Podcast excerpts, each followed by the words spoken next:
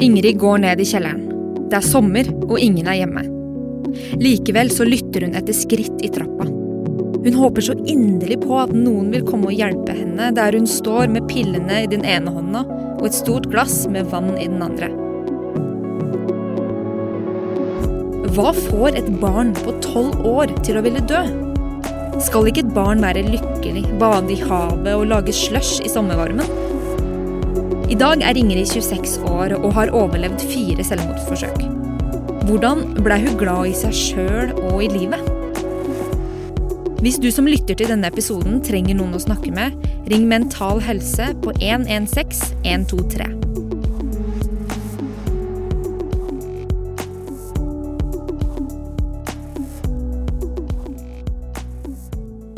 Det, jo, det, finnes jo på en måte ingen god introduksjon til det vi skal snakke om, føler jeg. Det er litt sånn eh, ja, da er det selvmord. det er liksom ingen Så jeg tenker vi bare begynner rett på. Og det er jo sånn at da du var tolv år Jeg ble jo kjent med deg, eller fikk vite om deg gjennom en, en sak i Dagbladet eh, som heter Overleverne. Og du var en av de 16 som valgte å fortelle din historie, og da leste jeg om at du var tolv år da du ga deg selv en tidsfrist og sa til deg sjøl jeg kommer ikke, eller jeg vil ikke bli mer enn 16 år. Og det er jo det vi skal snakke om i dag, at og det å gå fra et barn som vil dø, til å bli en kvinne som opplever livsglede og, og mestring, og det er en ganske sånn heftig reise, da. Absolutt, det å gå fra dødsglede til livsglede med fire selvmordsforsøk bak seg, og som du sier, så lovet jeg meg selv at jeg aldri skulle bli eldre enn 16. Det var liksom ikke snakk om, jeg orket ikke. Så har, i år så fylte jeg år 26, og det er jo veldig merkelig og spesielt, men også veldig godt. Mm. Jeg vil tenke at vi, vi heter jo det samme, og så er vi ganske Jeg er 25, du er 26, og, men vi har på mange måter hatt veldig forskjellige livserfaringer, da. Mm. Og jeg Jeg elsket jo å være barn, mens du ville dø. Ja. Og for meg er det vanskelig å forstå, da. Men la oss begynne der, da. Hvem var du som barn? Hvem jeg var som barn, ja. Jeg, jeg, pleier å beskrive meg selv som et eh, glad barn til å begynne med, men så var det at jeg ikke helt klarte å forstå eh, de sosiale signalene og kulturen, hvordan det var. Jeg pleide å si at jeg ikke har disse sosiale antennene. Jeg har de fortsatt ikke, men jeg har noen av de, men ikke alle. Og eh, jeg hadde vanskeligheter for å forstå det, og var mer inni meg selv enn ut i verden. Hvordan kom det til uttrykk på barneskolen, for eksempel? Til barneskolen så kom det til uttrykk med at jeg var veldig mye alene. Jeg kunne si veldig mye rart, og gjøre veldig mye rart også, eh, som man, verken jeg eller noen andre tenkte så mye på der og da men jeg ser jo i ettertid at det var uttrykk for frustrasjon, for eh, det som begynte å bli en depresjon, da. Det mm. startet jo med at jeg var lei meg nedfor eh, til i, i, barneskolen, ungdomsskolen, og så utviklet det seg jo til en ganske alvorlig depresjon. Mm. Men som barn gikk du på en måte med rare klær, og hva var det du sa som var rart? Veldig godt spørsmål. Eh, på barneskolen og generelt så gikk jeg det var jo en av de tingene jeg ikke forsto, det var jo mote og sånn. Jeg tok jo bare på meg klær. Men og... gjør ikke barn det? Jo, men jeg, det var det jeg trodde også. Men jeg husker veldig godt sånn, jeg tror det var i åttende klasse, at vi skulle ha gym, og da hadde jeg jo bare slengt noen klær i gymbagen min, og så skulle jeg ta på meg en sånn Det husker jeg faktisk veldig godt, for da var det en shorts som var sånn militærmønster i rosa og grønn. Eh, og så var det ei i klassen som bare Ingrid, du vet at du hadde på deg den første skoledag? Og jeg var bare sånn Ok, er, hva så? Men ut ifra hvordan hun snakket, da, så var det en big deal med hvordan man kledde seg, og jeg merket jo at folk prøvde å pynte seg mer og matche, og folk snakket om merkeklær, og jeg hadde liksom ikke den interessen og klarte ikke å forstå det. Folk begynte med sminke, jeg skjønte ikke det, og da begynte jeg jo å sammenligne meg usminket og relativt ustelt. Jeg gjorde liksom det bare nødvendige. Mm. Med de som var sminket, som kanskje har brukt over én time foran speilet, mens jeg hadde brukt ti minutter. Mm. Snakker vi nå liksom i femte klasse? Når var det du Ja, tok fram sjette, den syvende shortsen? klasse. Ja. Og oppover, og spesielt da i ungdomsskolen, så blir det jo enda verre. Jeg har jo også nå i senere tider som foredragsholder snakket med barneskoleelever som er livredde for å begynne på ungdomsskolen fordi det er så merkevarepress. Ja. Og jeg husker veldig godt da sa jeg sånn, ja, men er det så veldig farlig om man går med klær fra Bik Bok eller HM? Og de lo av meg og bare, ja, men Ingrid, her snakker vi ikke om Bik Bok eller HM, her snakker vi om Michael Kors og Ja. Dolce Jibana og alle disse som jeg har jo hørt om, men ikke har nå engang.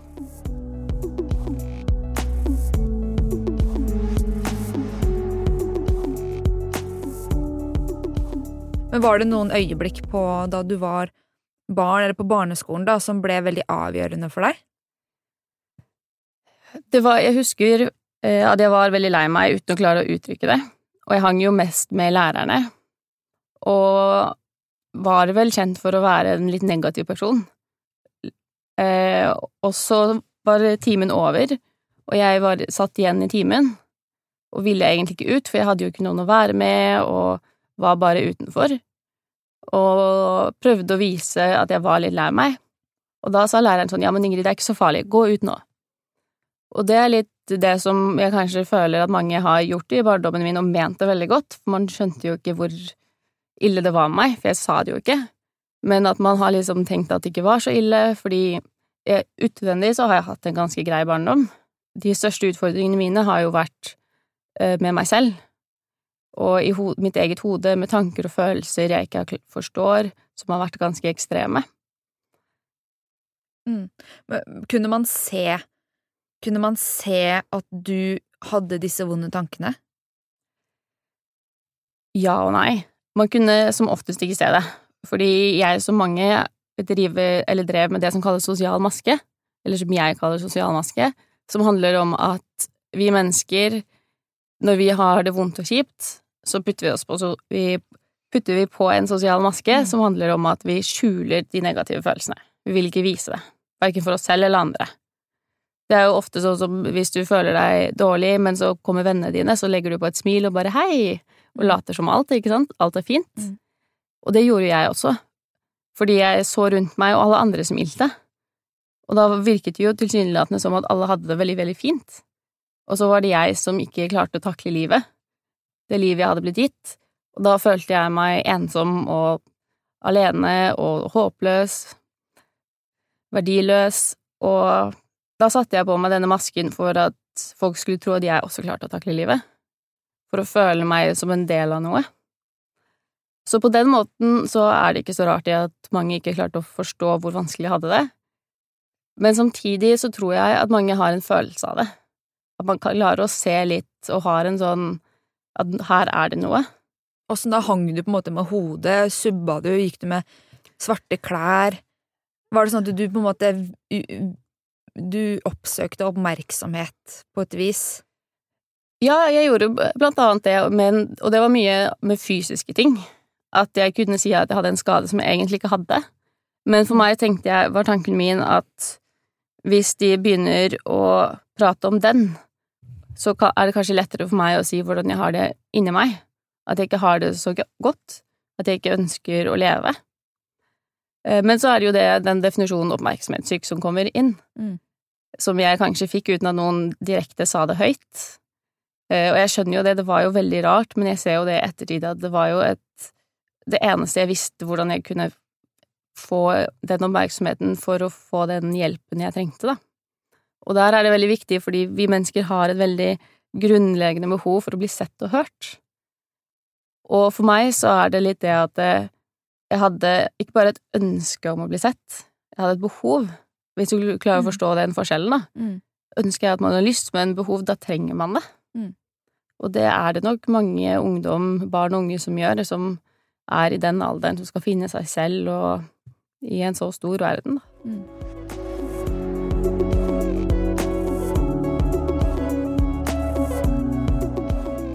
Så begynte du, begynte du på ungdomsskolen, og, og fortell Og så forsøkte du da å ta ditt liv første gang da du var tolv. Var det i Ja. åttende klasse? Det var eh, i åttende klasse, for Jeg syns det var veldig, veldig vanskelig overgang. Men det selvmordsforsøket, hvor, hvor var du da? Hvor jeg var? Da var jeg hjemme. Jeg var hjemme alene, og jeg satt eh, på en grå sofa i kjelleren. På barndomshjemmet mitt så hadde vi en sånn grå sofa nede, og det var et sånn pledd teppe der som jeg hadde føttene mine på. Husker at det var Det var jo på sommeren, så det var jo ganske varmt. Og det var mørkt, ingen var hjemme, men så husker jeg veldig godt at selv om ingen var hjemme, så Og der jeg sto eh, med pillen i hånda, så var jeg og ventet i håp om at noen skulle komme og hjelpe meg. At det, jeg ventet for å høre om noen kom ned trappa, for å høre om det kom noen skritt, eller om døra åpnet seg, men det gjorde det jo ikke. Og så tok jeg da pillene og tenkte at nå er det over. Det var ikke nødvendigvis det at jeg ville dø, men jeg kjente at jeg ikke klarte det å leve. Og da er ikke noe særlig valg imellom der, da. Gråt du? Jeg hadde gråtet i veldig, veldig mange timer. Og jeg var tom for tårer, og jeg sto med et glass med vann og kjente bare at jeg ikke klarte å puste, fordi jeg hadde gråtet så mye og var så sliten. Og så Og så svelga du de pillene, og så tenkte du at nå skulle du dø? Ja. Da la jeg meg for å sove, og kjente på noe av det at nå er det over. Og det er jo for mange vanskelig å forstå, men når folk eh, går til det steget, så tenker man oftest også på andre. Man snakker jo om at det å ta livet sitt er egoistisk, men det var også det jeg tenkte var at familien min, de få vennene jeg følte jeg hadde, ville ha det bedre. Fordi jeg følte jeg var så håpløs, jeg var så tåpelig, jeg var bare en byrde. Jeg klarer ikke å gi det noe mer logisk enn det nå, for jeg har jo ikke selvmordstanker eller lyst til å ta livet mitt nå, men jeg husker bare det at det føltes alt annet enn egoistisk å gjøre det der og da. Og hva skjedde så? Jeg våknet opp og hadde utrolig vondt i magen, vondt i hodet, og løp til eh, do. Og da måtte jeg bare løpe opp, og så kastet jeg opp. Og det var Jeg husker at jeg ikke helt klarte å tenke og føle så mye. Jeg skjønte ikke helt hva som foregikk. Jeg bare skjønte at jeg må på skolen. Jeg var jo teknisk sett ikke i stand til det. Jeg hadde jo utrolig vondt i hele kroppen. Så dette var på morgenen? Men jeg var jo også dette flink-plikk-syndromet, og samtidig som jeg ville at noen skulle se meg, så ønsket jeg heller ikke å få dette stempelet med å være oppmerksomhetssyk. Så da gikk jeg på skolen og latet som ingenting. Kom litt sent, eh, for jeg jo, var jo på toalettet en stund. Da var det jo ingen hjemme. Folk hadde dratt på skole og jobb. Hva gjorde du den skoledagen? Det jeg gjorde, var å bare eksistere. Og det var jo litt eh, det jeg gjorde ellers også. For meg handlet mye i mange år, fra sånn sjette klasse til ja, til jeg fikk hjelp i andre klasse videregående, så handlet det om å bare holde seg fast i pulten og overleve. Og komme gjennom skoledagen og Det var jo litt sånn Overleve var alt jeg gjorde. Alt jeg klarte, alt jeg orket.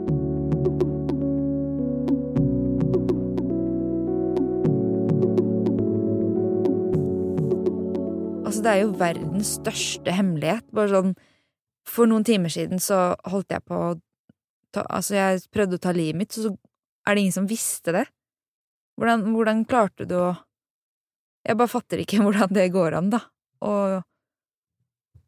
Å bære på den hemmeligheten aleine. Det var jo veldig, veldig vanskelig, og, men så var det jo også dette her med at jeg ville ikke være en byrde, jeg ville ikke være en plage. Jeg husker noen dager etterpå så ringte jo mormor meg. Eh, mormor var jo en av de personene hvor jeg følte at jeg var normal. For jeg gikk jo rundt i verden, og også i familien min, og følte at jeg var det sorte fåret. Som ingen vil ha med å gjøre, som var mislykket. Og, men med mormor så var jeg ikke det, følte jeg iallfall. Hvordan da? Det var bare noe med at vi snakket det samme språket, at jeg forsto at hun brydde seg, og hun spurte hvordan det gikk, og jeg følte at hun ikke så meg, og sånn som noe av det som har vært vanskelig for meg, er at jeg er født med en fysisk sykdom, eh, som gjør at jeg har kuler og utvekster ut av kroppen min, i ulike størrelse, og selv om det ikke er så synlig for eh, noen som ikke vet om det, så Ja, jeg kan jo ikke se det. Nei, du kan ikke se det i det hele tatt. Og eller det, jeg trodde jo i den tiden at jeg var alene med denne sykdommen. Så føltes det ut som at det var det eneste jeg så. I speilet så så jeg bare det. Men holdt mormoren deg din deg i live, rett og slett? Absolutt. Det var jo der jeg følte at jeg kunne puste. At jeg kunne være meg selv. Og mormor spurte jo ofte hvordan det gikk. Hele tiden. Og samtidig som mormor var den ene personen jeg kanskje ville være ærlig med, så var det også akkurat samme grunn at jeg ikke var ærlig med henne. Fordi hun var den eneste jeg hadde, eller det, det følte jeg der og da, at hun var den eneste jeg hadde. Jeg ville jo ikke plage henne. Og jeg sa jo til henne, som jeg sa til mange, bare jo at det går fint, det går bra. Det er jo en av de løgnene jeg tror verden forteller mest til oss selv og hverandre. Men hun Jeg vet jo at hun, hun døde i 2012. Ja. Og du fortalte jo aldri henne hvordan du hadde det. Nei. Er det sånn at du har tilgitt deg sjøl for det? Eh, Veldig godt spørsmål, og helt ærlig så har jeg ikke det. Eh, Og det er jo noe jeg på en måte fortsatt betaler for. Det er jo Jeg husker veldig godt at jeg hele tiden trodde jo at jeg gjorde henne godt, meg godt, med å ikke svare. For jeg ville jo ikke byrde henne, jeg ville ikke plage henne, og hun var jo eh, syk, dødssyk av kreft, så hun hadde jo nok med sitt. Så da tenkte jeg at jeg gjorde det riktige med å ikke svare henne. Og så døde hun i 2012, og det var først etter da jeg forsto at eh, hun aldri gikk på noen av løgnene mine. Jeg er ganske sikker på at mormor har tilgitt meg, og om det noen gang var noe å tilgi meg for. Men jeg kommer nok aldri til å helt tilgi meg selv.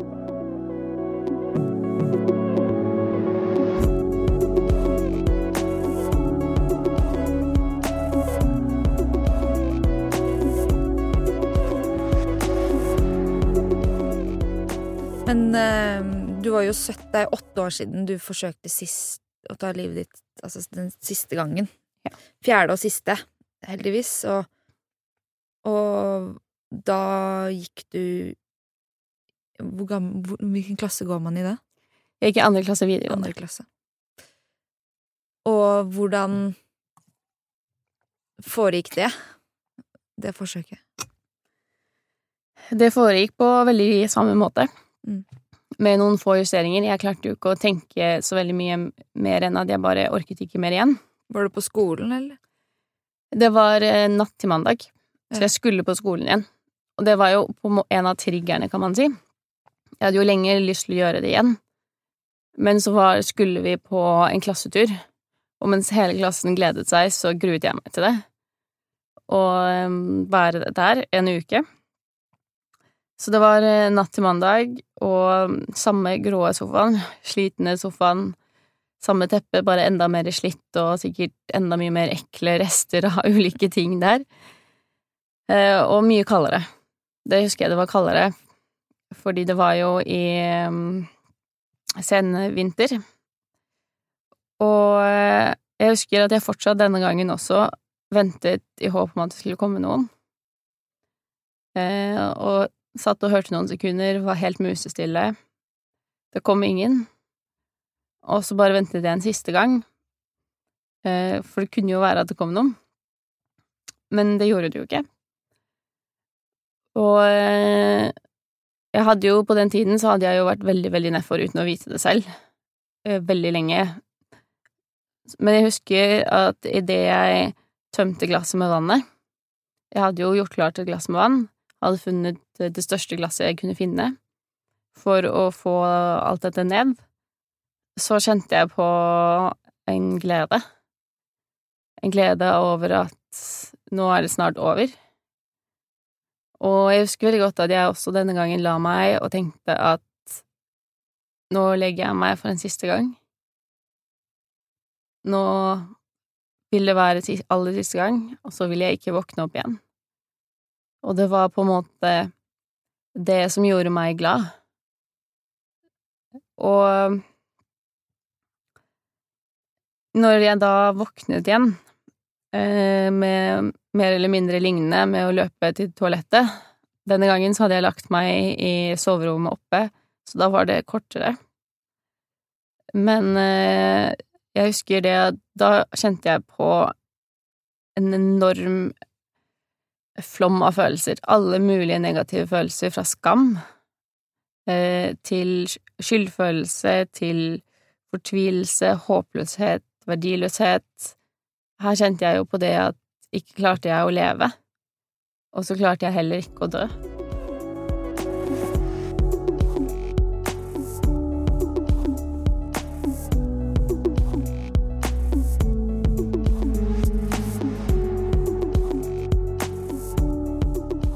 Er ganske heftig å høre på, egentlig.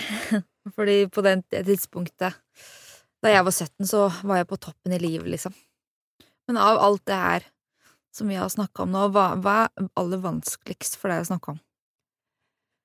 Mye av det vanskelige er jo dette med mormor, som jeg syns er veldig vanskelig, for hun var der veldig. Og så er det vanskelig også å på en måte se ting i ettertid, for ting er så mye annerledes. Jeg hadde jo angst og depresjon, og det har jo, ser jeg jo, har påvirket synet mitt. Mens jeg følte meg venneløs, mens jeg følte meg ensom som den eneste, så var jeg jo aldri det. Mm. Og så er det jo Jeg har jo fått et spørsmål om hvorfor det tok så lang tid før jeg fikk hjelp. Og det var et tøft spørsmål å få. Jeg vant til mange spørsmål, men jeg husker det, jeg tror det var i 14 eller 15. Og da må jeg jo innrømme at jeg har litt skyld i det, på en måte, med å holde denne masken. Masken som jeg trodde var min beste venn, som hjalp meg til å holde meg i live, ser jeg jo nå i ettertid var det som kanskje holdt på å ta knekken på meg. Det å holde alt inne, være alene om det. Men nå sitter du jo her, og, og har, du har samboer og jobb, og du elsker is og sjokolade og hunden din. ja. Og hvordan Og du holder foredrag, og du hjelper andre. Hvordan lærte du i å bli glad i deg sjøl? Det har vært en veldig, veldig lang reise, og det er jo fortsatt en reise. Eh, og mye av den jobben må gjøres selv. Det krever mye. Det er jo det jeg prøver å si i foredrag også, at jeg har det mye bedre i dag, men jeg har måttet jobbe for det. Men absolutt så Det viktigste har jo også vært å bruke det nettverket jeg har rundt meg, og faktisk ta imot når folk sier at jeg er her.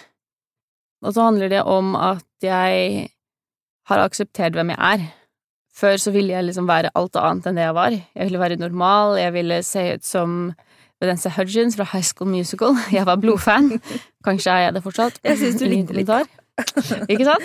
Eh, men jeg ville liksom Og alt handlet gjerne om det fysiske, om utseendet. At ja. det jeg ville bli, var utseendet, og det var så urealistisk.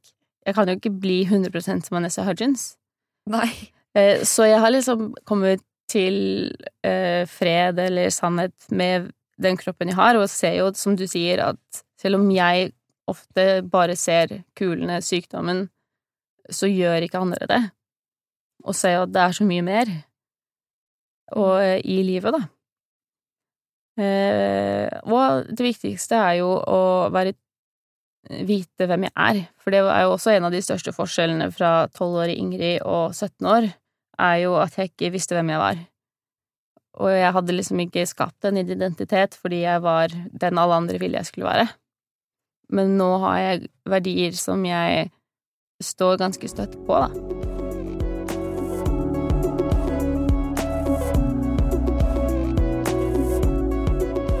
Men, men, altså, alle har jo drittdager, og, og mange, noen dager er jo på en måte fullstendig mørke for mange. Altså, Absolutt at det menings, føles meningsløst, da. Eh, men så gjelder det jo som Som vi snakker om, liksom å holde ut, på en måte. Bare sånn klamre seg til, til livet på et vis. Og hvordan Har du noen sånn verktøy.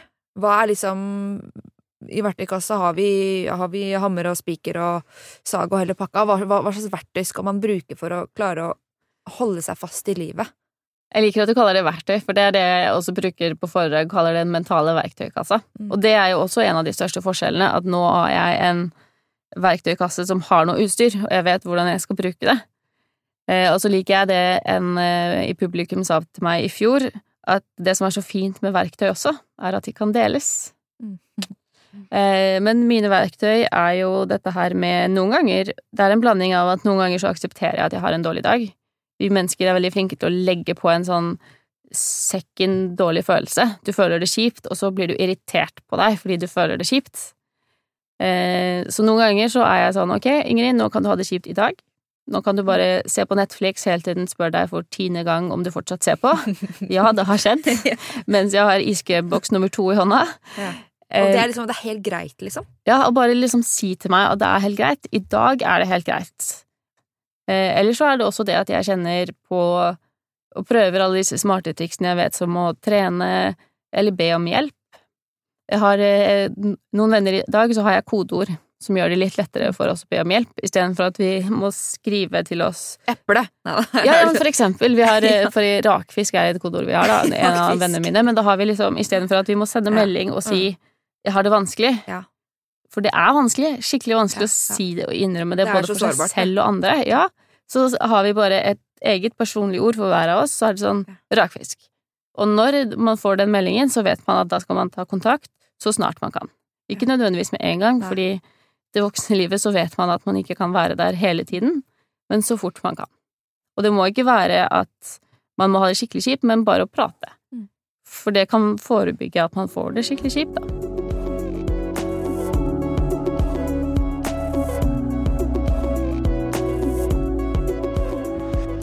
Jeg tenker jo at mange av de hverdagsproblemene og de vonde følelsene som jeg kan bære på, jeg tenker at jeg kan klare å fikse det sjøl, da. Mm.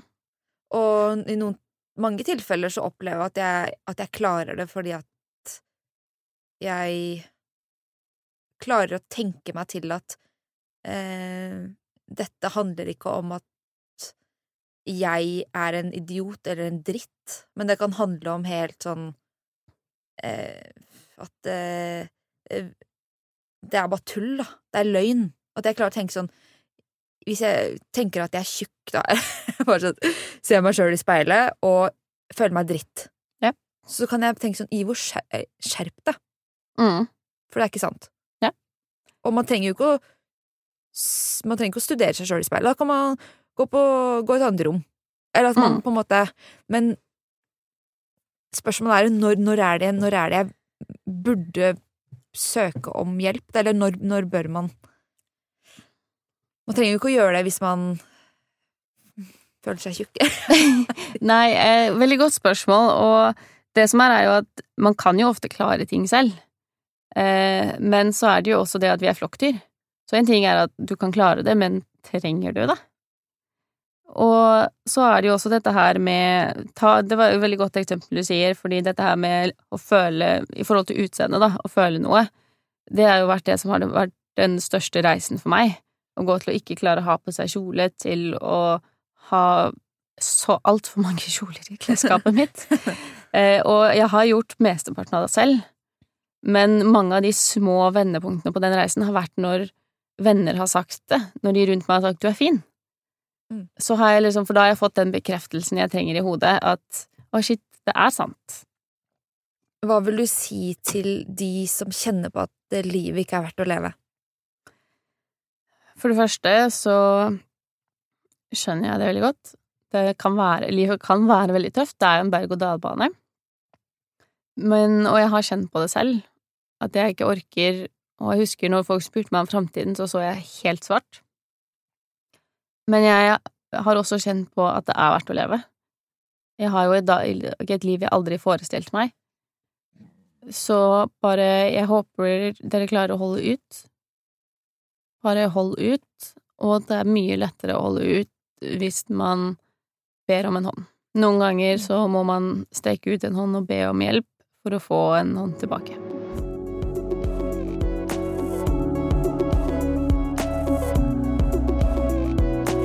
Denne podkasten er laget av Menneskeverd, og jeg heter Ingrid Ivo Vatnar Eikje. Neste episode kommer på tirsdag.